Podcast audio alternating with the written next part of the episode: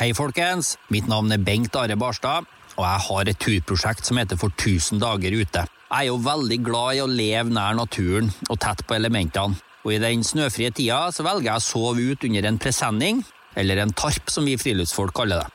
Og Fordelen med å leve under en sånn duk, det er at du får dyr og fugler veldig tett på. Du både ser og hører ryper som skvatrer, og du får med deg alle værskiftninger i løpet av døgnet. Barents Outdoor de lager to typer tarper, og begge her typene er egentlig perfekt for meg og hundene. De har fine opphengsmuligheter og sterke, gode bardunfester. Det siste er ekstra viktig for oss nå da, når høststormene begynner å nærme seg. Ellers er det utrolig gledelig for meg å kunne si det at tarpene til Barents Outdoor de er sydd på Melhus i Trøndelag i Norge. Mer informasjon om disse produktene finner du på barentsoutdoor.no. Og husk på det, folkens, at den første reparasjonen på et Barents Outdoor-produkt den er bestandig gratis.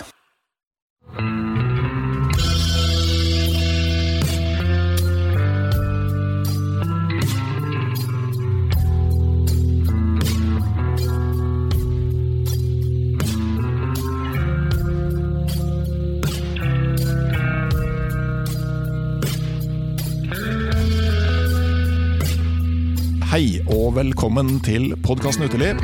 Mitt navn er Randulf Valle. Dagens gjester er Bodil Gilje og Ivar Lien. Kanskje aller best kjent under Instagram-kontoene Bodildal og Nysgjerrigvar. Hjertelig velkommen. Takk. Eh, Og hører vi litt pludring i bakgrunnen, så er det sønnen deres eh, Birk som driver og utforsker landskapet, i dette tilfellet kontorlandskapet. Mm. Eh, dere er jo aktuelle nå fordi dere har tatt steget fra internett til papir med boka 'Oppskrift på god tur', som nå nettopp er ute når vi tar opp episoden eh, tidlig i oktober. Eh, gratulerer med utgivelsen. Takk. Vi skal snakke mer om boka ganske straks, men aller først så spør jeg jo som vanlig har dere hatt en fin tur eller naturopplevelse nå i det siste? Ja, vi eh, kommer egentlig nesten rett fra en ukes tur på hytte i Valdres. Ok. Vi eh, har vært nysgjerrig på et område der og tenkte vi skulle utforske det litt. Så vi eh, var meldt ordentlig dårlig vær eh, hele uka, og med en eh, ettåring da så tenkte vi at vi leier inn på ei hytte og tar dagsturer.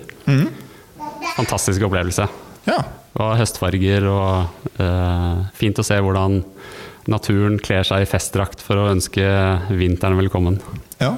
Valdres er jo rett over fjellet for mitt hjemmeområde i Gausdal. Mhm. Og det er jo fin avstand fra Oslo. Ja, det var egentlig akkurat passe å kjøre med en, en ettåring. Og så fikk vi jo sanka om veldig mye bær mens vi var der. Da. Veldig mye forskjellig Både blåbær, tyttebær, tranebær og krekling. Ikke minst krekling. Eh, hadde et mål om å sanke masse krekling til min favorittlikør. Aha. Jeg husker en sånn der eh, bok jeg leste om eh, sånn, bruke naturens råvarer. Og der sto det om eh, likør. At de skulle på ingen måte oppfordre til ulovligheter. Men det var en kjensgjerning at for vannrik bær og frukt så var 60% egentlig for svakt til å starte med. Kommer an på hva du sikter på til slutt, da. 60 duger lenge, det. Ja. Ok, men eh, tilbake til eh, boka eh, deres 'Oppskrift på god tur'. Det er ei, hva vi si, sånn, litt sånn lettbeint idébok for den som er nysgjerrig på friluftslivet, var mitt eh, inntrykk da jeg leste den. Stemmer det liksom med deres intensjoner? Ja, det, er, eh, skal på en måte være en litt sånn øh, oppslagsbok, da. Altså litt sånn i retning Hakkespettboka, er det noen som har nevnt. Sånn at- man kan slå opp og lese litt og la seg inspirere av flere ting i, i boka. Eh, så en, en lettlest eh, bok med mye inspirasjon har vel vært liksom utgangspunktet. Ja, eh, ja Hvordan oppsto ideen og tanken? Eh, Vi har jo hatt hver for oss egentlig tanke for å kanskje skrive en bok. Og i prosessen med forlaget i forbindelse med denne boka, så blei vi enige om at hva med å skrive en bok sammen? Mm. Eh, For vi kjenner jo stor glede med det friluftslivet som vi har utvikla fra hvert vårt utgangspunkt til noe felles som har blitt veldig givende for oss. Mm. Så eh, vi tente på den ideen og eh, egentlig ganske raskt fikk eh, stabla på beina eh, mye med utgangspunkt av det vi har tenkt på forhånd, da, og også delt på Instagram tidligere. eh, at det kunne bli et fint alternativ til skjerm.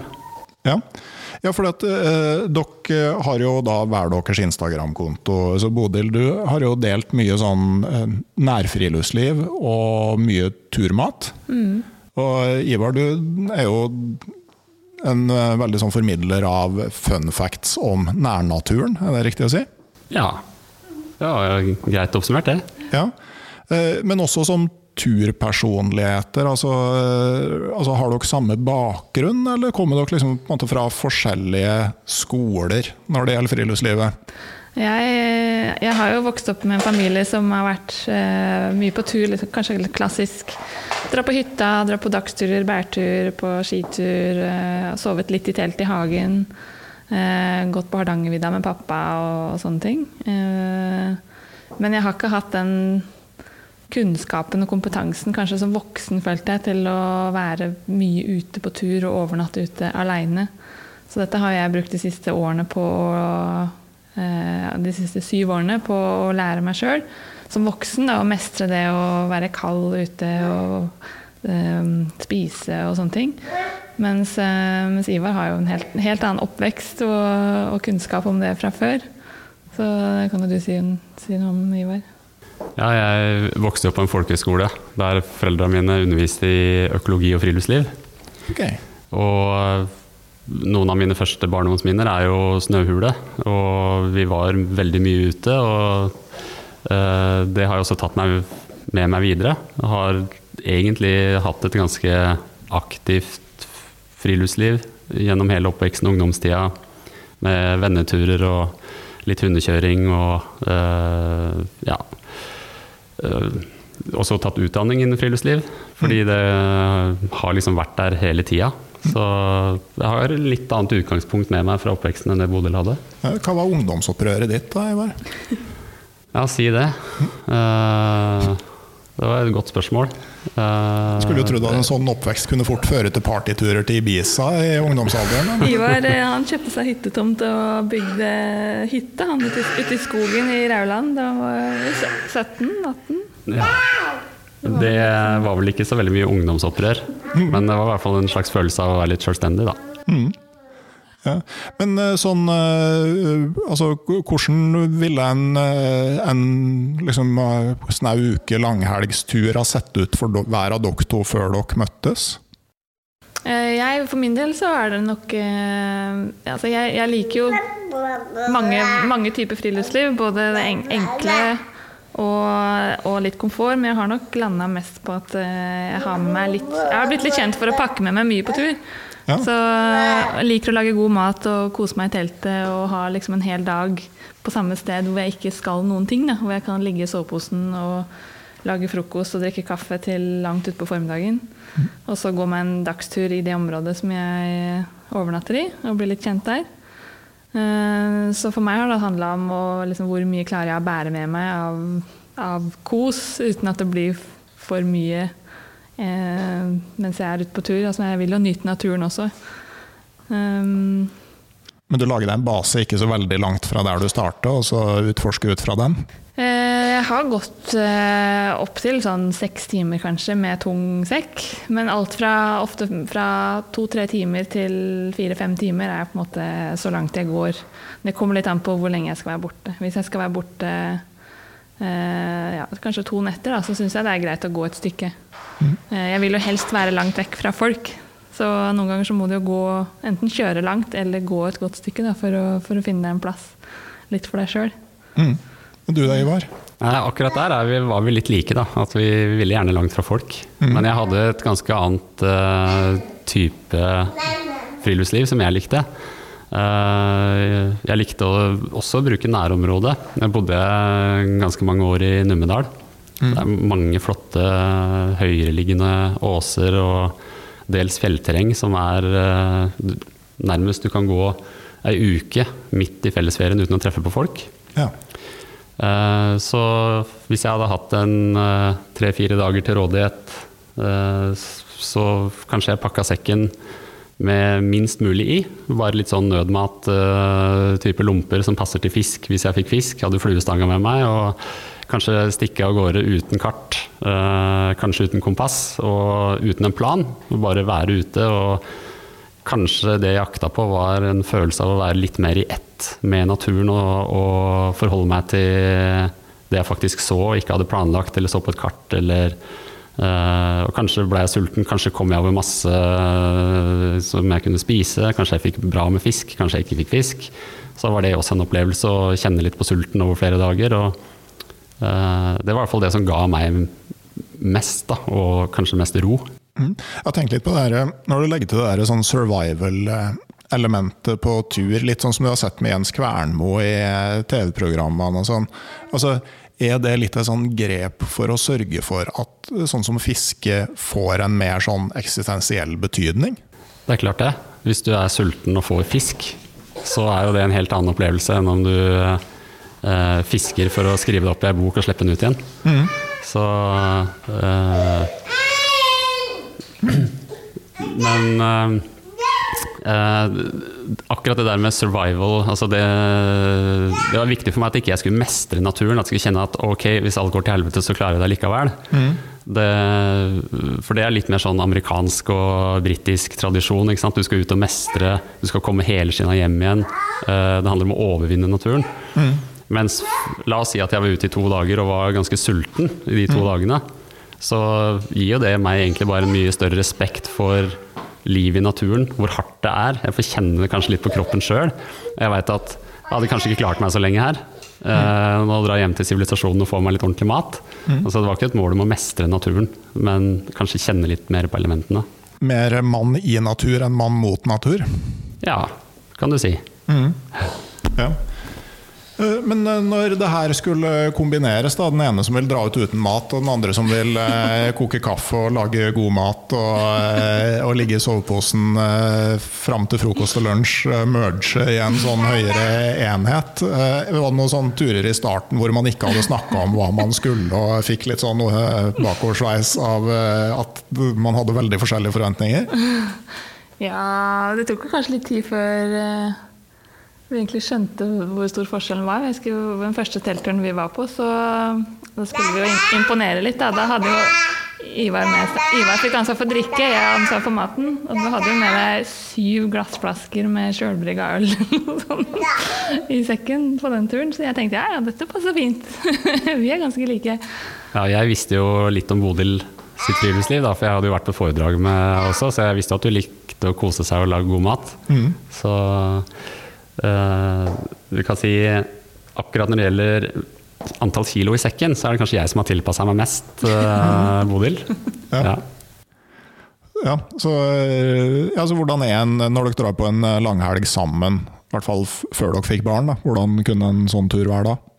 Vi har nok, det er nok kanskje bare mest preg av min, min type friluftsliv, selv om vi prøver eh, eh, vi, vi prøver jo å gjøre det litt enkelt noen ganger også. Vi har vært på én tur spesielt, påska 2020, hvor vi hadde en hel uke å sove ute. og Da fant vi ut at vi skal ha et kompromiss. Da delte vi turen i to. Så første halvdel av turen det var, sov vi på bakken på Granbar under tarp, spiste havregryn eh, og frystørka mat og gjorde det veldig enkelt. Og jeg syns jo det også er kjempefint. Men da hadde vi lagra et depot et stykke ned i skogen og som vi gikk ned og henta etter tre dager. Og det var en sekk full av påskeegg og god mat og liggeunderlag og øl. Og så koste vi oss den andre halvdelen av turen. Da. Det var den påska det ikke var lov å dra ut av egen kommune. Ja. Ja, Så da måtte vi improvisere litt. Ja. Da ble det seks dager i en gapauk. ja ok. Ja, det, det, jeg hadde veldig fin påske. Jeg var alene- alenepappa den eh, påska. Og eh, vi lå i telt eh, 150 meter fra skiløypa og 50 meter fra en orrfuglleik. Ja. Og da natta, eller jeg så bare sporene neste morgen, tenkte først liksom rypespor her, det var rart. Gran, ned i furuskogen, altså liksom enda mer. Ikke rypespor, nei. Orrfuglspor. Og så kunne du liksom våkne om nettene de neste nettene og høre sjoinga. Så det, ja, så det, det var jo en, sånn artig bieffekt av å holde seg i, i egen kommune. Men sånn i boka så har dere jo litt sånn, en sånn progresjon eh, sånn fra å sove i hagen. Det er kanskje litt eh, retta mot et yngre publikum òg, boka? Ja, det er jo eh, Jeg syns det er veldig mye inspirerende turbøker eh, ute, men det er jo Ofte så er, krever det liksom litt Du skal komme deg dit, og så dra, gå derfra til dit, eller Det er ikke så mange som kanskje viser hvor koselig du kan gjøre det ved å sove på terrassen, eller hva du kan spise, og hva du kan oppdage av småkryp i hagen og sånne ting. Da. Så faktisk gi vie kapitlene eh, det temaet, da, å dra på tur på terrassen eller overnatte i hagen eller rett opp i skogen bak huset. Mm. Eh, tenkte vi det kanskje kan hjelpe de som syns at den terskelen er såpass stor, i hvert fall hvis du har barn å pakke sekken og komme seg ut på tur. Og hvis de, hvis de kan begynne der, i det små, og liksom skape en tur ut av det, så er det kanskje lettere å, å tørre å dra på lengre turer. Det er jo ganske mange som har lyst til å være ute, men ja, eller uh, enten føler at uh, jeg skulle kanskje vært litt tryggere før jeg gjør det, eller det kan være en, familie der noen har lyst og noen ikke har så lyst, fordi det er et eller annet som hemmer. Og det kan være noen som har vært mye på tur, men kanskje ønsker å ta skrittet til å sove ute aleine. Eller det er noen som kanskje har sovet ute om sommeren, men som ønsker å sove ute om vinteren. Mm. Så forhåpentligvis da, så kan du uavhengig av erfaringsnivå eh, finne noe som kanskje kan eh, trigge eller la deg inspirere i boka. Det har i hvert fall vært målet, da. Ja. Men sånn, hva tenker dere liksom for, å, for, å, ta det skrittet for å begynne å overnatte ute? For jeg tenker at Det er jo litt sånn der progresjonen ligger. Altså, hva, hva, er liksom de viktigste rådene deres for å, for å få en god opplevelse av det å, å sove ute? Um, litt sånn grunnleggende om å holde seg eh, varm, og det handler om å holde seg tørr, stort sett. Mm. Uh, særlig når det er kaldt ute, da. Uh, det er jo viktig. Men et veldig viktig poeng som jeg syns blir borte i ganske mye av friluftsliv, tips og inspirasjon ellers, og som Bodil har lært meg mye om, det er det å, å, ha nok tid. Og det å ha nok tid til å kose seg og, og slå rot på et sted, og ikke skulle noe. Eh, det åpner et rom for å legge merke til eh, naturen rundt og det miljøet vi faktisk er i. Og selvfølgelig kan det jo gi mye større spillerom for alle som er med på turen. Uh, hvis man ikke skal nå et bestemt mål, mm. men heller uh, fylle det med det som er lystbetont gjøremål for liten og stor, så er det kanskje mye større sannsynlighet for at det blir en vellykka tur for alle. Ja, godt poeng. Og så er jo mat et viktig element i, i boka. Altså, hva er det, hva er det måte annen mat enn frysetørra tilfører turen, Bodil? Ja, for meg så er det eh, det å kunne sitte, sitte ute og lage mat, syns jeg er spesielt eh, koselig. Eh, og så syns jeg det meste av mat smaker bedre ute, så jeg syns det er litt dumt å bare sitte, koke opp vann og hive i seg en sånn frysetørka mat når du kan sitte en time og kjenne lukten av pannekaker og ha noe å glede seg til. Da. Jeg tenker også på sånn, Spesielt på familieturer så er jo det at ting tar tid, det er jo slett ikke noe negativt. Det er jo snarere tvert imot. Altså Hvis du har en aktivitet å drive med, så, så er ikke det noe så er det på positive sida. Ja, det, det, kan jo være målet for mange, at vi nå skal vi ut og lage mat f.eks. Det kan jo være en ettermiddagstur, bare. Men at barna kan være med og lage mat og forberede ting. Eller eh, jeg skriver også det i boka at det, det kan være fint å forberede folk på at det blir ikke mat med en gang vi kommer frem, at man har noen småsnacks. Holder blodsukkeret oppe litt mens, mens man lager mat. Mm. Man kan jo bli litt utålmodig hvis man står og venter. Eh, men legge til rette for at uh, nå skal vi ut og bruke en, en time på Eller nå, nå bruker vi en times tid på frokosten. Mm. Og så kan man kose seg med det, da. Istedenfor at man skal skynde seg og er kjempesulten når det kommer frem. Og, ja, og som du sier, på en, på en, del av sånne retter som skal steikes, er jo det hvis du har det travelt og skal prøve å steike det fort. Det, ja. det er jo da ting ikke blir spesielt godt òg. Altså svidd, mm. svidd utapå og, og rått uh, inni. Og det er klassisk. Det, det erfarte jeg jo sjøl i starten også. Det å lage mat på gassbrenner og på bål, det er jo en egen kunst. Og mye av det handler jo om tålmodighet. Uh, også det å lære seg å ikke steke ting på for høy varme. Og, og sånne ting. Da. Så det, Mm. For du lager jo en del bakverk på, eh, på bål. mm, ja. Kanelsnurrer og croissanter og eh, sånne ting. Ja. Mm.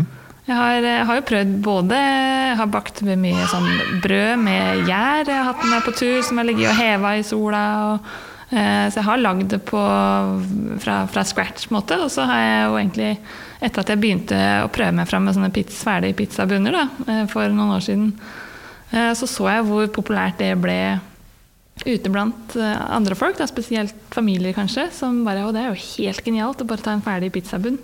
Det er jo ofte det, selv om man snakker om at man skal lage ting fra bunnen av, det skal være så ordentlig og sånn, men, men de fleste liker jo at det er litt enkelt. Og det er utrolig mye du kan lage med f.eks. en ferdig bunn, da.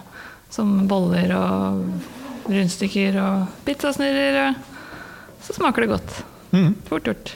Husk nok sukker på kanelsnurrene, for at det ikke Ja. er noe sukker i deigen. Mm, det er det. Den er jo ikke så søt, så det er lov å ha på litt ekstra. Ja. Det er jo eh, Vi tenkte gjennom hva er egentlig bra turmat. Eh, eh, og det som er felles for de tingene som Bodil lager ute, det er jo det at det er ganske greit og enkelt å lage på bål eller, eh, eller en annen varmekilde. Eh, det smaker godt, eh, og det er altså få ingredienser. Mm. Så, og grunnen til at det er enkelt å lage, er i mange tilfeller at Bodil har preppa litt på forhånd da, hjemme. Sånn at du slipper å kutte opp alt ute. Det er ferdig kutta hvis det skal lages en omelett, så er det bare smack oppi. Mm. Så Ja, Det hjelper å gjøre litt, litt forberedelser hjemme. Mm. Jeg lager ferdig sconesdeig. Eller altså sånn bare mjøl og litt bakepulver og litt salt og litt tørrmelk i en eh, pose. Så er gjerne en typebit som forteller hva det er for noe. Ja, det er kjempekult. Å ha litt sånt liggende på, i turutstyret òg, da er det jo ikke så komplisert å ta med seg ut på en liten helgetur eller dagstur. nei, det er ikke det, og det er jo relativt kjapt å, å lage. Tenker sånn, Bare ha oppi så lite vann som mulig i mm. deigen. Så, eh, så er det jo eh, altså Den lukta av bakst når du har vært ei stund på tur, den eh, er ganske grei. Jeg tror jeg kan, jeg kan trygt si jeg tror Ivar setter pris på den nye delen av friluftslivet der hvor han får servert eh, nystekte rundstykker til frokost og ja, pizza til middag. Men, Ja. eh, men jeg tenker nå, da, når dere har utvida flokken med, med Birk, altså det der med å spise frokost til lunsj, er han med på det konseptet og drøye frokosten til 10-11-tida? Unger er veldig tilpasningsdyktige. Foreløpig så går jo det greit. da. Han, eh, han har jo spist, spist egen mat og morsmelk og sånn, men etter hvert så får vi se da om det, om det må noe sånn nødproviant til eh, sånn før frokost. Ja, jeg husker jo på den tida der at uh, altså, så lenge det ikke sto et firetall først på klokka når eh, dagen starta, så var jeg egentlig ganske godt fornøyd. Ja.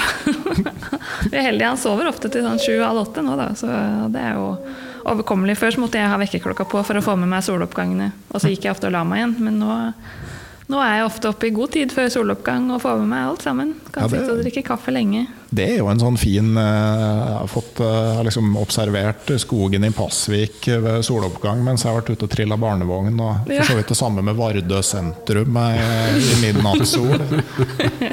På den, sånn, sånn den tida hvor tennene kommer. Så Ja, ja vi, kan du få har, med deg veldig mye av døgnet. vi har vært med på det òg, så det er jo plusser og minuser. Mm. Så er bare- det er bare fine folk som går ut og spiser hver dag. Det å spise ute jo, eh, kan være veldig fint når hverdagen med småbarn øh, føler liksom at hverdagen er litt for øh, tralt og satt, og middagsmåltidet skal lages og sånn.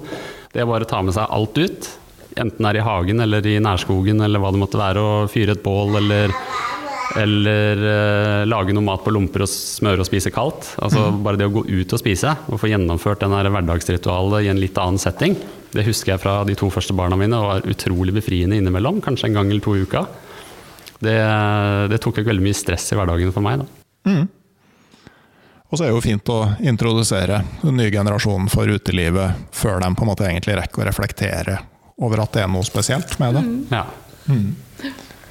Men eh, en, et annet sånn element som er litt sånn uh, særpreget i denne boka, her, det er jo eh, måte at du Ivar, har tatt med Nysgjerrigvar inn i boka. Da, med sånn, hvor du rett og slett egentlig forklarer litt hva det er vi ser uh, i uh, naturen.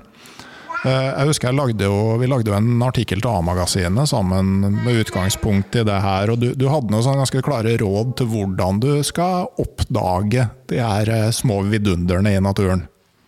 Ja, det å observere er jo Det er på en måte en ferdighet. eh, Og vi har den jo i oss alle sammen, men jeg tenker at veldig mye er gjort med å rette oppmerksomheten sin til det som faktisk er rundt. Og hvis jeg skal klare det, så må jeg være rolig. Eh, og jeg har et sånt lite mantra som jeg syns er veldig fint, og det er at eh, eh, når vi rører oss, så er naturen stille. Og når vi er stille, så rører naturen seg. Og det betyr flere ting for meg, akkurat det. Én ting er selvfølgelig at når vi bråker, så, så stopper naturen opp. Og det kan vi merke hvis vi er ute og går tur og skravler og bråker, eller at du bare går på en sti, så stopper jo skogens lyder. Du setter deg ned, gjerne litt i skjul og sitter stille et kvarter, så gjenopptar naturen sitt eh, vanlige liv. Den. Og da får du faktisk se hva som er der. Men den stillheten som jeg først og fremst tenker på med det lille mantraet der, det er at når jeg setter meg ned og er rolig og bare sitter stille og observerer, så begynner jeg faktisk øh, Fordi jeg er stille inni meg, så får jeg evnen til å se det som faktisk rører seg rundt. Det som har farge, luktene, skyene på himmelen, stripene i berget. Det lille innsiktet som kryper forbi, eh, som jeg ellers aldri hadde sett hvis jeg ikke hadde vært i ro. da. Jeg husker jo eh, jeg lagde en episode med Herman Sotkajärvi. eh, Kjent bjørnejeger fra, og, og bjørneentusiast fra Pasvik. Som sa at liksom gjennomgående de fleste som skulle jakte eller observere bjørn, altså de var altfor opptatt av å komme seg fort fram. Ja. Uh, og det, det kommer du ingen vei med i naturen. Altså det der å, å sette ned tempoet var jo også der liksom en sånn hovedsetning da, for å komme tettere på, på eh, naturen. Og, det er jo sånn interessant at sånn, i motsetning til de sånn store naturprogrammene som veldig ofte er tatt opp på sånn eksotiske lokasjoner, så er det sånn det du kan se her, er jo i nærmiljøet ditt. Ja, og det var jo litt sånn utgangspunktet mitt for Nysgjerrigvar, eh, kall det prosjektet mitt òg, da. Eh, for i motsetning til Bodil eh, Bodil har en Instagram-konto som har ganske mange følgere, og det har liksom bare balla på seg fordi hun har delt av livet sitt, og så har det bare vokst seg på. Hun har aldri hatt noe mål og mening om å, om å liksom gjøre det til en uh, greie og, uh, på sosiale medier. Mens jeg var jo ikke på noe som helst slags form for sosial plattform før eh, for fire år siden. Og så tenkte jeg jeg har jo lyst til å dele uh, min fascinasjon for naturen og hva det betyr for oss mennesker å kunne vite litt mer om, om alle de små sammenhengene i naturen rundt oss. Og fant da ut at nei, jeg må jo treffe folk der hvor jeg faktisk når dem, og det er jo i dag på sosiale medier. Så uh, jeg har jo hatt, en, hatt et ønske da, om at flest mulig kan få litt påfyll om den helt vanlige naturen. Den som vi møter hver dag på vei til skolen, jobb eller i hagen eller når vi er ute på tur. Eh, For vi ser så mye, og vi, det er veldig masse som passerer netthinna vår som vi ikke reflekterer over også. Og det å blåse liv, liv i nysgjerrigheten, som vi alle er født med fra start, som er en så grunnleggende viktig følelse for å kjenne at man eh, er til stede og gir mening i tilværelsen, eh, den har jeg lyst til å blåse mest mulig liv i til flest mulig. Ja. Eh, altså Har det her vært noe som har liksom endra naturopplevelsene dine, Bodil? Ja, jeg tenkte på nå når Iva snakka om det, bare den turen vi var på nå i forrige uke, på, på høstferie. Og så gikk vi jo den første dagen, så gikk vi jo eh, Det føltes som en ganske sånn lang tur, men vi gikk jo ikke så veldig langt bak hytta der oppe i myra før vi begynte å kikke ned på bakken. Da. For Iva var litt sånn Å, her er det brødlav! Og tenkte jeg, brødlav, ja. Ja, det er spennende. Hva var det for noe igjen? Og så er det alle mulige forskjellige typer lav som jeg aldri kunne nå. Og så eh, plutselig fant vi tranbær på myra, ikke sant, som jeg aldri har visst at, at de vokser på myr. At vi hadde tranbær i Norge en gang. Eh, og bare utrolig mange små detaljer som vi da brukte et par timer på ettermiddagen den første turen. Og bare gikk rundt i skogen egentlig rett bak hytta der og kikka på småting. Som, som jeg før kanskje ikke syntes var så interessant, for jeg kunne ikke noe om det. Men nå får jeg og Jeg har med meg et levende leksikon da, som jeg kan spørre om eh, alt mulig. Så det er utrolig spennende, syns jeg. Må bare korrigere deg, ikke på noen slags måte levende leksikon. Uh, og de aller fleste tinga som jeg møter der ute, de veit jo ikke jeg svaret på. Det som er uh, den største gleden jeg kan finne i å være ute, er å se noe som jeg lurer på hva er. Så tenker jeg yes, og så kan jeg være kreativ og gjette og komme med forslag, og noen ganger finner jeg ut av det, andre ganger finner jeg ikke ut av det. Så målet mitt er ikke at flest mulig skal vite mest mulig om naturen, egentlig, men bare det å trene evnen sin til å være nysgjerrig og erkjenne at wow, det er så mye vi ikke forstår. Mm. Og hvis man da kobler det mot at vi er faktisk avhengig av at naturen fungerer og det samspillet, så blir det kanskje litt uh, større motivasjon for å ta vare på naturen også. Ja, jeg fikk med meg det med brødlaven, som da var brukt som tilsettende, eller sånn mjøldrøye. Ja. I, eh, og at du hadde lavprester på samme måte som potetprester, som dro rundt og forklarte folk eh, hvordan de kunne ja. Ja, blande lav og korn for å holde seg i live gjennom vinteren. Ja. Mm. Hvem vet når vi får bruk for det igjen? Ja, si det. Plutselig så skjer det. Mm. Men eh, kanskje ikke det beste i disse tider, da, fordi lav tar jo opp radioaktive isotoper, så kanskje valg noe annet. Ja, det, men eh, har man ikke noe annet, så eh, Men det er sant, det. Det var jo Når man er gammel nok til å huske Tsjernobyl, så var jo reinen hardest ramma fordi den gikk i fjellet og spiste lav. Ja. Mm. Når det er sagt, altså det med at vi nå har med oss en ettåring på tur, da tenker mange at da, da går jo etter hvert som han kan gå sjøl, sånn, så vil det ta mye lengre tid å komme seg dit man skal slå leir. og, og sånn. Det, jeg tror ikke det blir så veldig annerledes enn sånn det er eh, å gå med Ivar på tur nå, for vi bruker jo omtrent dobbelt så lang tid eh, til camp enn det kanskje jeg gjorde før, da, men det er bare positivt. Mm. Men jeg tenker også det som du snakker om, altså det der med å lære av den måte, iboende nysgjerrigheten. Eh, det er jo ikke akkurat det som på en måte er den pedagogiske plattformen i, i skolen i dag, må det være lov å si? Nei, dessverre. Mm. Jeg vil jo kanskje si det så altså Grunnen til at dagens skole ikke passer for alle, det er jo det at de som lykkes i skolen i dag, det er de som klarer å være nysgjerrig på det som folk har bestemt at de skal være nysgjerrig på. Mm. Eh, og konsekvensen av det er jo det at eh, for barnehagen eh, så er jo Der får jo barna lov til å være nysgjerrig på alt de ser. Og hvis noen ser noe, så stopper alle opp, og det kommer tusen forslag på hva som kan være greia her. Mens på, i skolen så er det læreplaner, og da skal de lære på en bestemt måte. Og, og den nysgjerrigheten er dessverre i stor grad borte. Det er litt endring nå da, med dybdelæring og mer elevstyrt læring og sånn som kommer, men allikevel så er det jeg syns det er sørgelig at et fag som naturfag har så lite natur i seg, og at når skolene først velger å dra ut, så er det mye pølser og bål og kano, og de skal fra A til B. Men jeg har ikke tid til å stoppe opp og bruke naturen som et læringsrom, som den gullgruva det faktisk er. da. Mm. Det er jo litt endring. Den yngste dattera mi er med et sånt prøveprosjekt i Trondheim nå, hvor man har endra overgangen fra barnehage til skole. Så de er mye mer ute, og de, de har ikke fag. Nei, det er utrolig spennende. De, de, tar, en måte, altså de skal jo lære å lese og de skal lære grunnleggende matematikk, og sånne ting, men de tar ting mer når det, eh, når det passer, og er, er mye mer ute. og Si, altså, hvis noen driver med et prosjekt, så i stedet for at du måtte avslutte det før du er ferdig, og fordi at timeplanen sier at du skal begynne med noe annet, så, så får du kanskje gjøre det ferdig, mens de som syns det blir verdt lenge å sitte i ro, de får gjøre noe annet. Da. Så det, det høres utrolig bra ut. og det, Nysgjerrighet det er jo en sånt øyeblikksglimt hvor døra er åpen til en læring som du eier sjøl, og som er viktig på en eller annen måte for deg, som interesserer deg. og som Resultatet er at du lærer egentlig uten å merke at du lærer, fordi det er viktig, og det gir mening, og det gir langvarig læring. Så det å, å ha en skole som er rigga for å gripe øyeblikket når det er der, eh, det ser jeg på som helt grunnleggende. Så det er jeg veldig glad for å høre. Ja, det, det krever jo mer av læreren, da. Altså, det å, måtte, å være i stand til å gripe, gripe, det øyeblikket, det krever jo en del mer kunnskap. Men, men som vi har snakka om i andre settinger, altså man skal ikke være redd for det å ikke vite hva man ser, heller. Nettopp. Og det er jo eh, Jeg blir så glad for å høre det, fordi jeg tenker at hvis lærerne kun skal legge til rette for at elevene skal kunne litt, litt, av det som læreren kan før man har starta, mm. så har man et ganske fattig utgangspunkt. Eh, hvis læreren tør å slippe elevene ut på områder som man ikke kan så mye om sjøl, og kan være med på å lære, og det å, for en elev da, å oppleve at læreren også lærer en hel del med det arbeidet jeg gjør, mm. hvor, hvor, viktig blir ikke det da?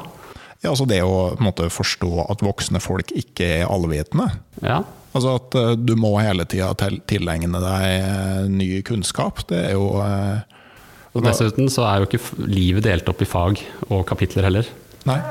Men så er det jo ikke sant, altså når alt da skal måles gjennom nasjonale prøver i konkrete fag, og eh, mange legger veldig stor vekt på resultatene fra det der. altså det, det favoriserer jo altså Når du skal ta en viss type prøve, så, så favoriserer jo det de som bruker mest tid på å preppe elevene på å ta akkurat de prøvene. Ja, så Du kan jo ikke kjøre engang sånne endringer uten at vurdering henger sammen med det. Nei. Det er vurderinga som styrer læringsaktivitetene. Mm. Så uh, der må det legges til rette for at elevene også i vurderingssituasjonen kan få vist hva man har lært, da, og hvordan det har skjedd.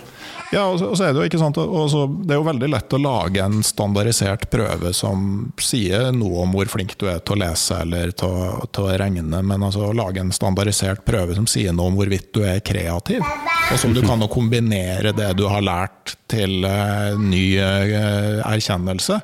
Altså, det er jo fryktelig vanskelig, og derfor blir det ikke gjort. og så Derfor så er ikke det uh, egenskaper som man da setter pris på.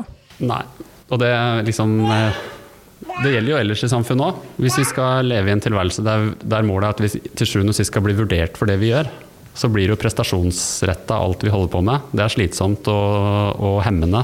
Men hvis målet isteden er å, å, å, lære, å være et lærende vesen, og kan gå til sengs og vite at i dag kan jeg noe som ikke jeg kunne i går, så kommer jo resultatene eh, av seg sjøl i andre enden uansett.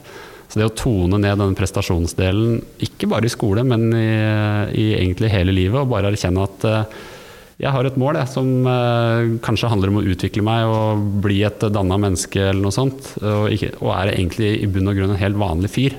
Ferdig med det. Jeg skal ikke bli top notch, jeg må liksom være best i et eller annet for å hente anerkjennelse fra andre mennesker på en eller annen måte. Uh, det gjelder også i skolen. Og det, det syns jeg kanskje samfunnet trenger veldig mye nå. Ja. Ja. og jeg tenker det blir jo sånn i arbeidslivet hvor du liksom ser at folk Altså det er målkriterier. Uh, og da, da skreddersyr du, eller strømlinjeformer, uh, arbeidsoppgavene inn mot det som er lett å måle. Sånn er det dessverre i skolen òg. Mm. Så uh, det er mye juss og økonomi som får lov til å styre, eller i hvert fall være rammegivende for pedagogikken, og det burde vært motsatt. Mm. Så mm. Ok, men, eh, men, sånn eh, nå på, på høsten, da, så er det noen noe sånn eh, interessante ting man kan se etter litt mer sånn bevisst ute der? Jeg tenker, jo, jeg tenker jo på høsten som en sånn tid hvor ting liksom sånn Det skjer mindre, da. Det blir stille, og det blir kaldt, og det stivner og fryser til. Og ja, Uh, altså, måten naturen går inn for landing på, er jo veldig fascinerende. Og mange ting blir jo synlige om høsten som ikke er synlige ellers. Eh, det kan være fargene der ute. Jeg er veldig fascinert av naturens farger. Eh, jeg skulle gjerne snakka lenge om det, men det kan i så fall bli en egen episode, tror jeg. Men ta f.eks. En, en gruppe med veldig søte små edderkopper som heter mattevevere. De er jo der ute hele tida. Men nå om høsten, når mye av vegetasjonen er eh, brun og kanskje litt vissen, og, og, det kommer klare, fine høstdager, tidlig om morgenen da, når det er dog på gresset, så kan man se, enten det er over ei myr eller ei grasslette eller eh, på plenen hjemme kanskje i kanten, så ser man alle disse her tusenvis av edderkoppspinn bortover. Enten i lyng eller på myra. Og det er jo da Hvert sånt nett er jo lagd av en eh, bitte liten edderkopp som heter mattevever. Eh, som lever der hele året, men det er jo gjerne om høsten på de kalde nettene at man ser hvor mange det faktisk er. Da. Det er, er, det fordi at du ser netta pga. doggen? Da? Ja, det er det. Mm. Så, øh, og de er jo utrolig fascinerende skapninger. De, mange av de lever i samliv med maur. De invaderer maurtur og drar nytte av varmen. og og lever i et eh, slags samliv med maur som vi ikke helt har forstått betydningen av for begge parter. Men de ser ut til å trives veldig godt, og i enhver sånn vanlig rød skogsmaurtue, så er det mattevevere, edderkopper, som lever, da. Så er de ute og spinner netta sine, og de netta de er helt flate. Og så har de sånne snubletråder over, så alt som flyr over forbi, eh, deiser ned i nettet og blir liggende, da. Så det er en sånn ting som, jeg, som slår meg egentlig hver seinsommer og høst, hvor utrolig mange mattevevere det egentlig er ute i naturen. Og det får meg til å tenke hva hvis de ikke hadde vært der? Altså, de har jo en rolle. Alt har en rolle i naturen, og de er med på å opprettholde den skjøre balansen, eller den er ikke en skjør balanse, for det er så mange arter som er der, men hvis det blir få arter, så blir det en skjør balanse. Og da, da, kan jeg tenke på alle de gangene jeg har gått forbi den sletta eller den myra uten å vite hva som lever der, og plutselig en dag så ser jeg wow, det er tusen sånne her òg. Ja, og, der ligger jo kanskje litt av sånn, eh, hvis vi skal se litt sånn en større, litt sånn mer overordna på det med de små enkeltstående faktaene du lærer bort. Da. De er jo del av en stor helhet. Absolutt. Det tenkte jeg nå på den uh, tura vi var og plukka tranevær på myra ved hytta. Så sto jeg og kikka på torvmosen og tenkte denne lille torvmosen her, den vokser i en ende og dør i den andre. Mm. Og det er med på å binde opp karbon fra atmosfæren. Og summen av alle disse torvmosene på den nordlige halvkule har gjort at de har bundet mer CO2 enn det som er bundet i alle verdens skoger. Mm. Eh, og i tillegg er de viktige for avrenninga eh, av eh, vann. Så det kan jo Uten torvmose, når det regner, så vil det jo flomme i alle vassdrag. Det kommer masse grums ut uh, i, uh, i, havet, som er dårlig for livet i havet. Dårlig for innsjøene våre, uh, med gjødseleffekt og alt som er. Mens med disse torvmosene så kan det bøtte ned på ei myr, myr, i to uker. og Så siver det litt ut i en enden, og så kan det være tørke i to uker, men det fortsetter å sive ut. Så det, ja, det... den der lille torvmosa der, og den utrolig viktige rolla den har, ja, det er jo inter interessant i, dag som man da snakker om uh, flomsikring. ikke sant? Og så, ja. så, har vi jo flomsikring i form av myrer rundt omkring. Absolutt. Mm. Det merker man jo veldig godt uh, på New Zealand, hvor du har veldig få innsjøer og nesten ikke myr. At uh, elvene responderer jo på en helt annen måte på høljregn.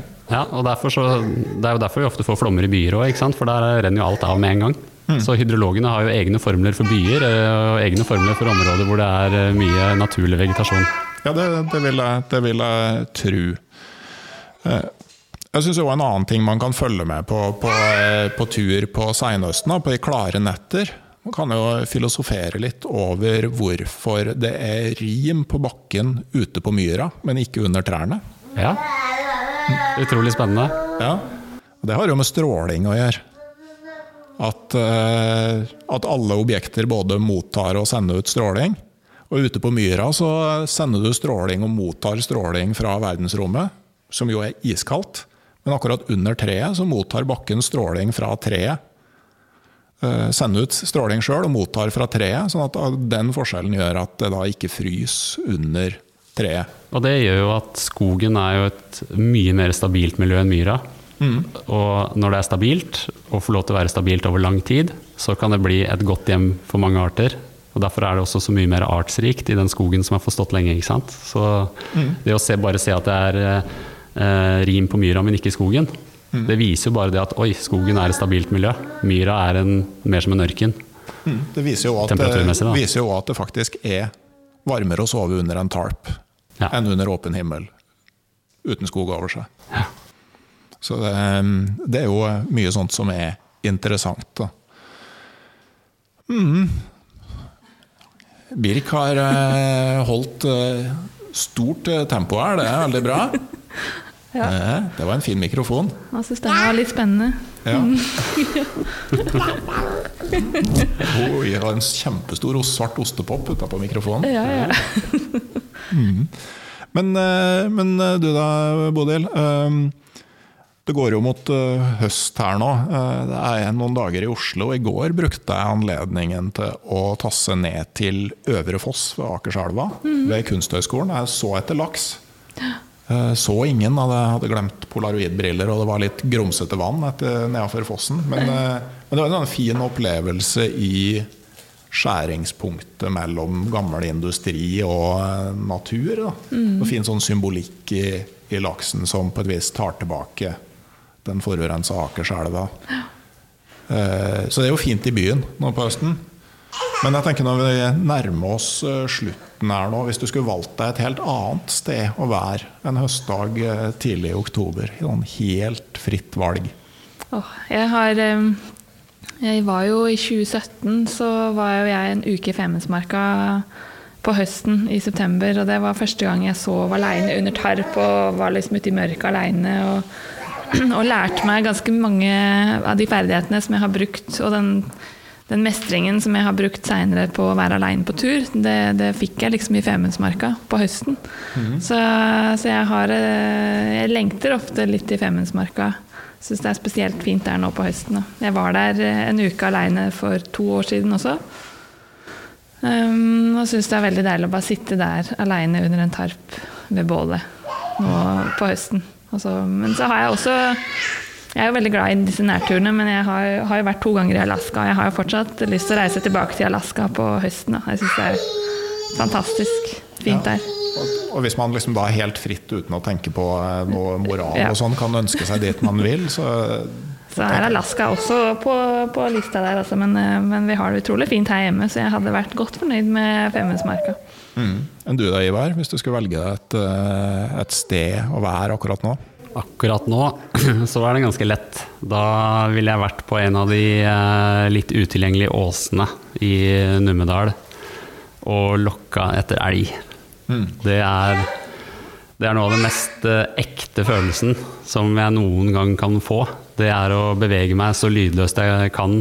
Eh, saumfare et område hvor jeg kanskje har sett eh, spor etter eh, elgoksen. Mm. Og det å gå og lokke på den. Og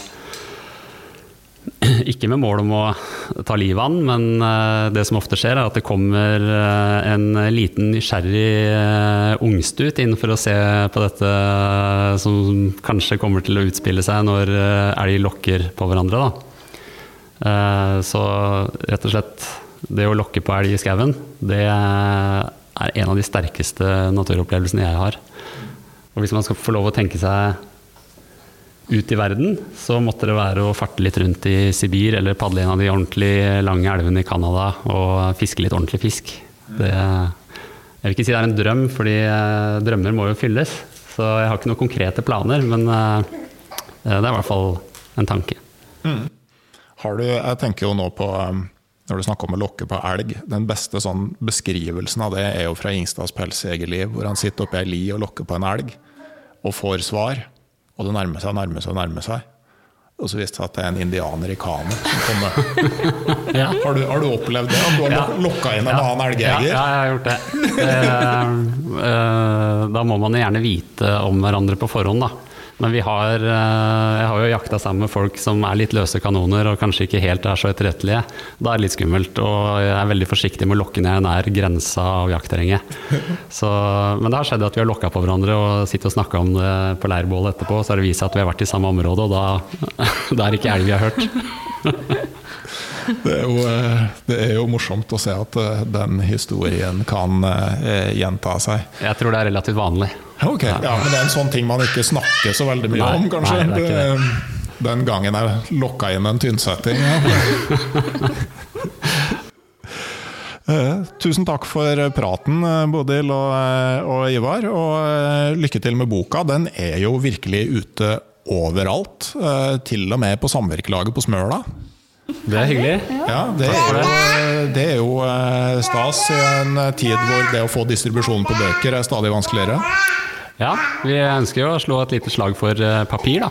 Mm. Det er jo, eh, gir jo noe eget, det med tilstedeværelse og fravær av distraksjon.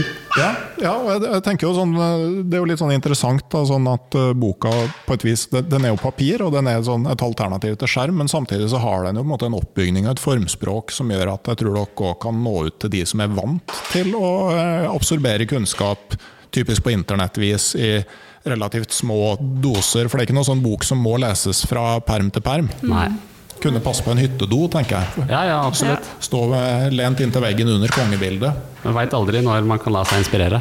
Nei. Mm -hmm. Vi lagde jo egentlig, Grunnen til at det er en paperback, er for at vi skulle lage en håndbok som man kunne lett putte i sekken og ta med seg ut på tur. Men eh, så blei vi litt eh, revet med i prosessen. altså Den blei litt tykkere enn planlagt. Så den er ikke så lett. Men det er en, det er en håndbok for Bodil mer enn for Ivar, Ja. altså sånn pakkemessig? Jeg hadde tatt den med meg uansett. Ja. Ja. Mm. Jepp. Tusen takk igjen for at dere eh, stilte opp her i podkasten Uteliv. Eh, Jeg takker til slutt, som vanlig, dem som støtter podkasten Uteliv på Patrion. Jeg minner om at den 10. november og den 10. desember så trekker jeg ut et telt fra min egen litt for rikholdige samling i kjellerboden, som da altså tilfaller et medlem i det digitale turlaget. Som medlem der så får du også tilgang til eksklusive episoder. Du får påvirkning på produksjon av episoder, og tilgang til artikler på randulfale.no. Last ned Patrion-appen, eller gå inn på patrion.com, søk opp podkasten Uteliv, og velg medlemsnivået som passer for deg, så er du med. Men det er sjølsagt òg helt greit om du bare vil høre episodene ettersom de dukker opp, for det kommer sjølsagt en ny episode av podkasten Uteliv om ei uke. Ha det bra!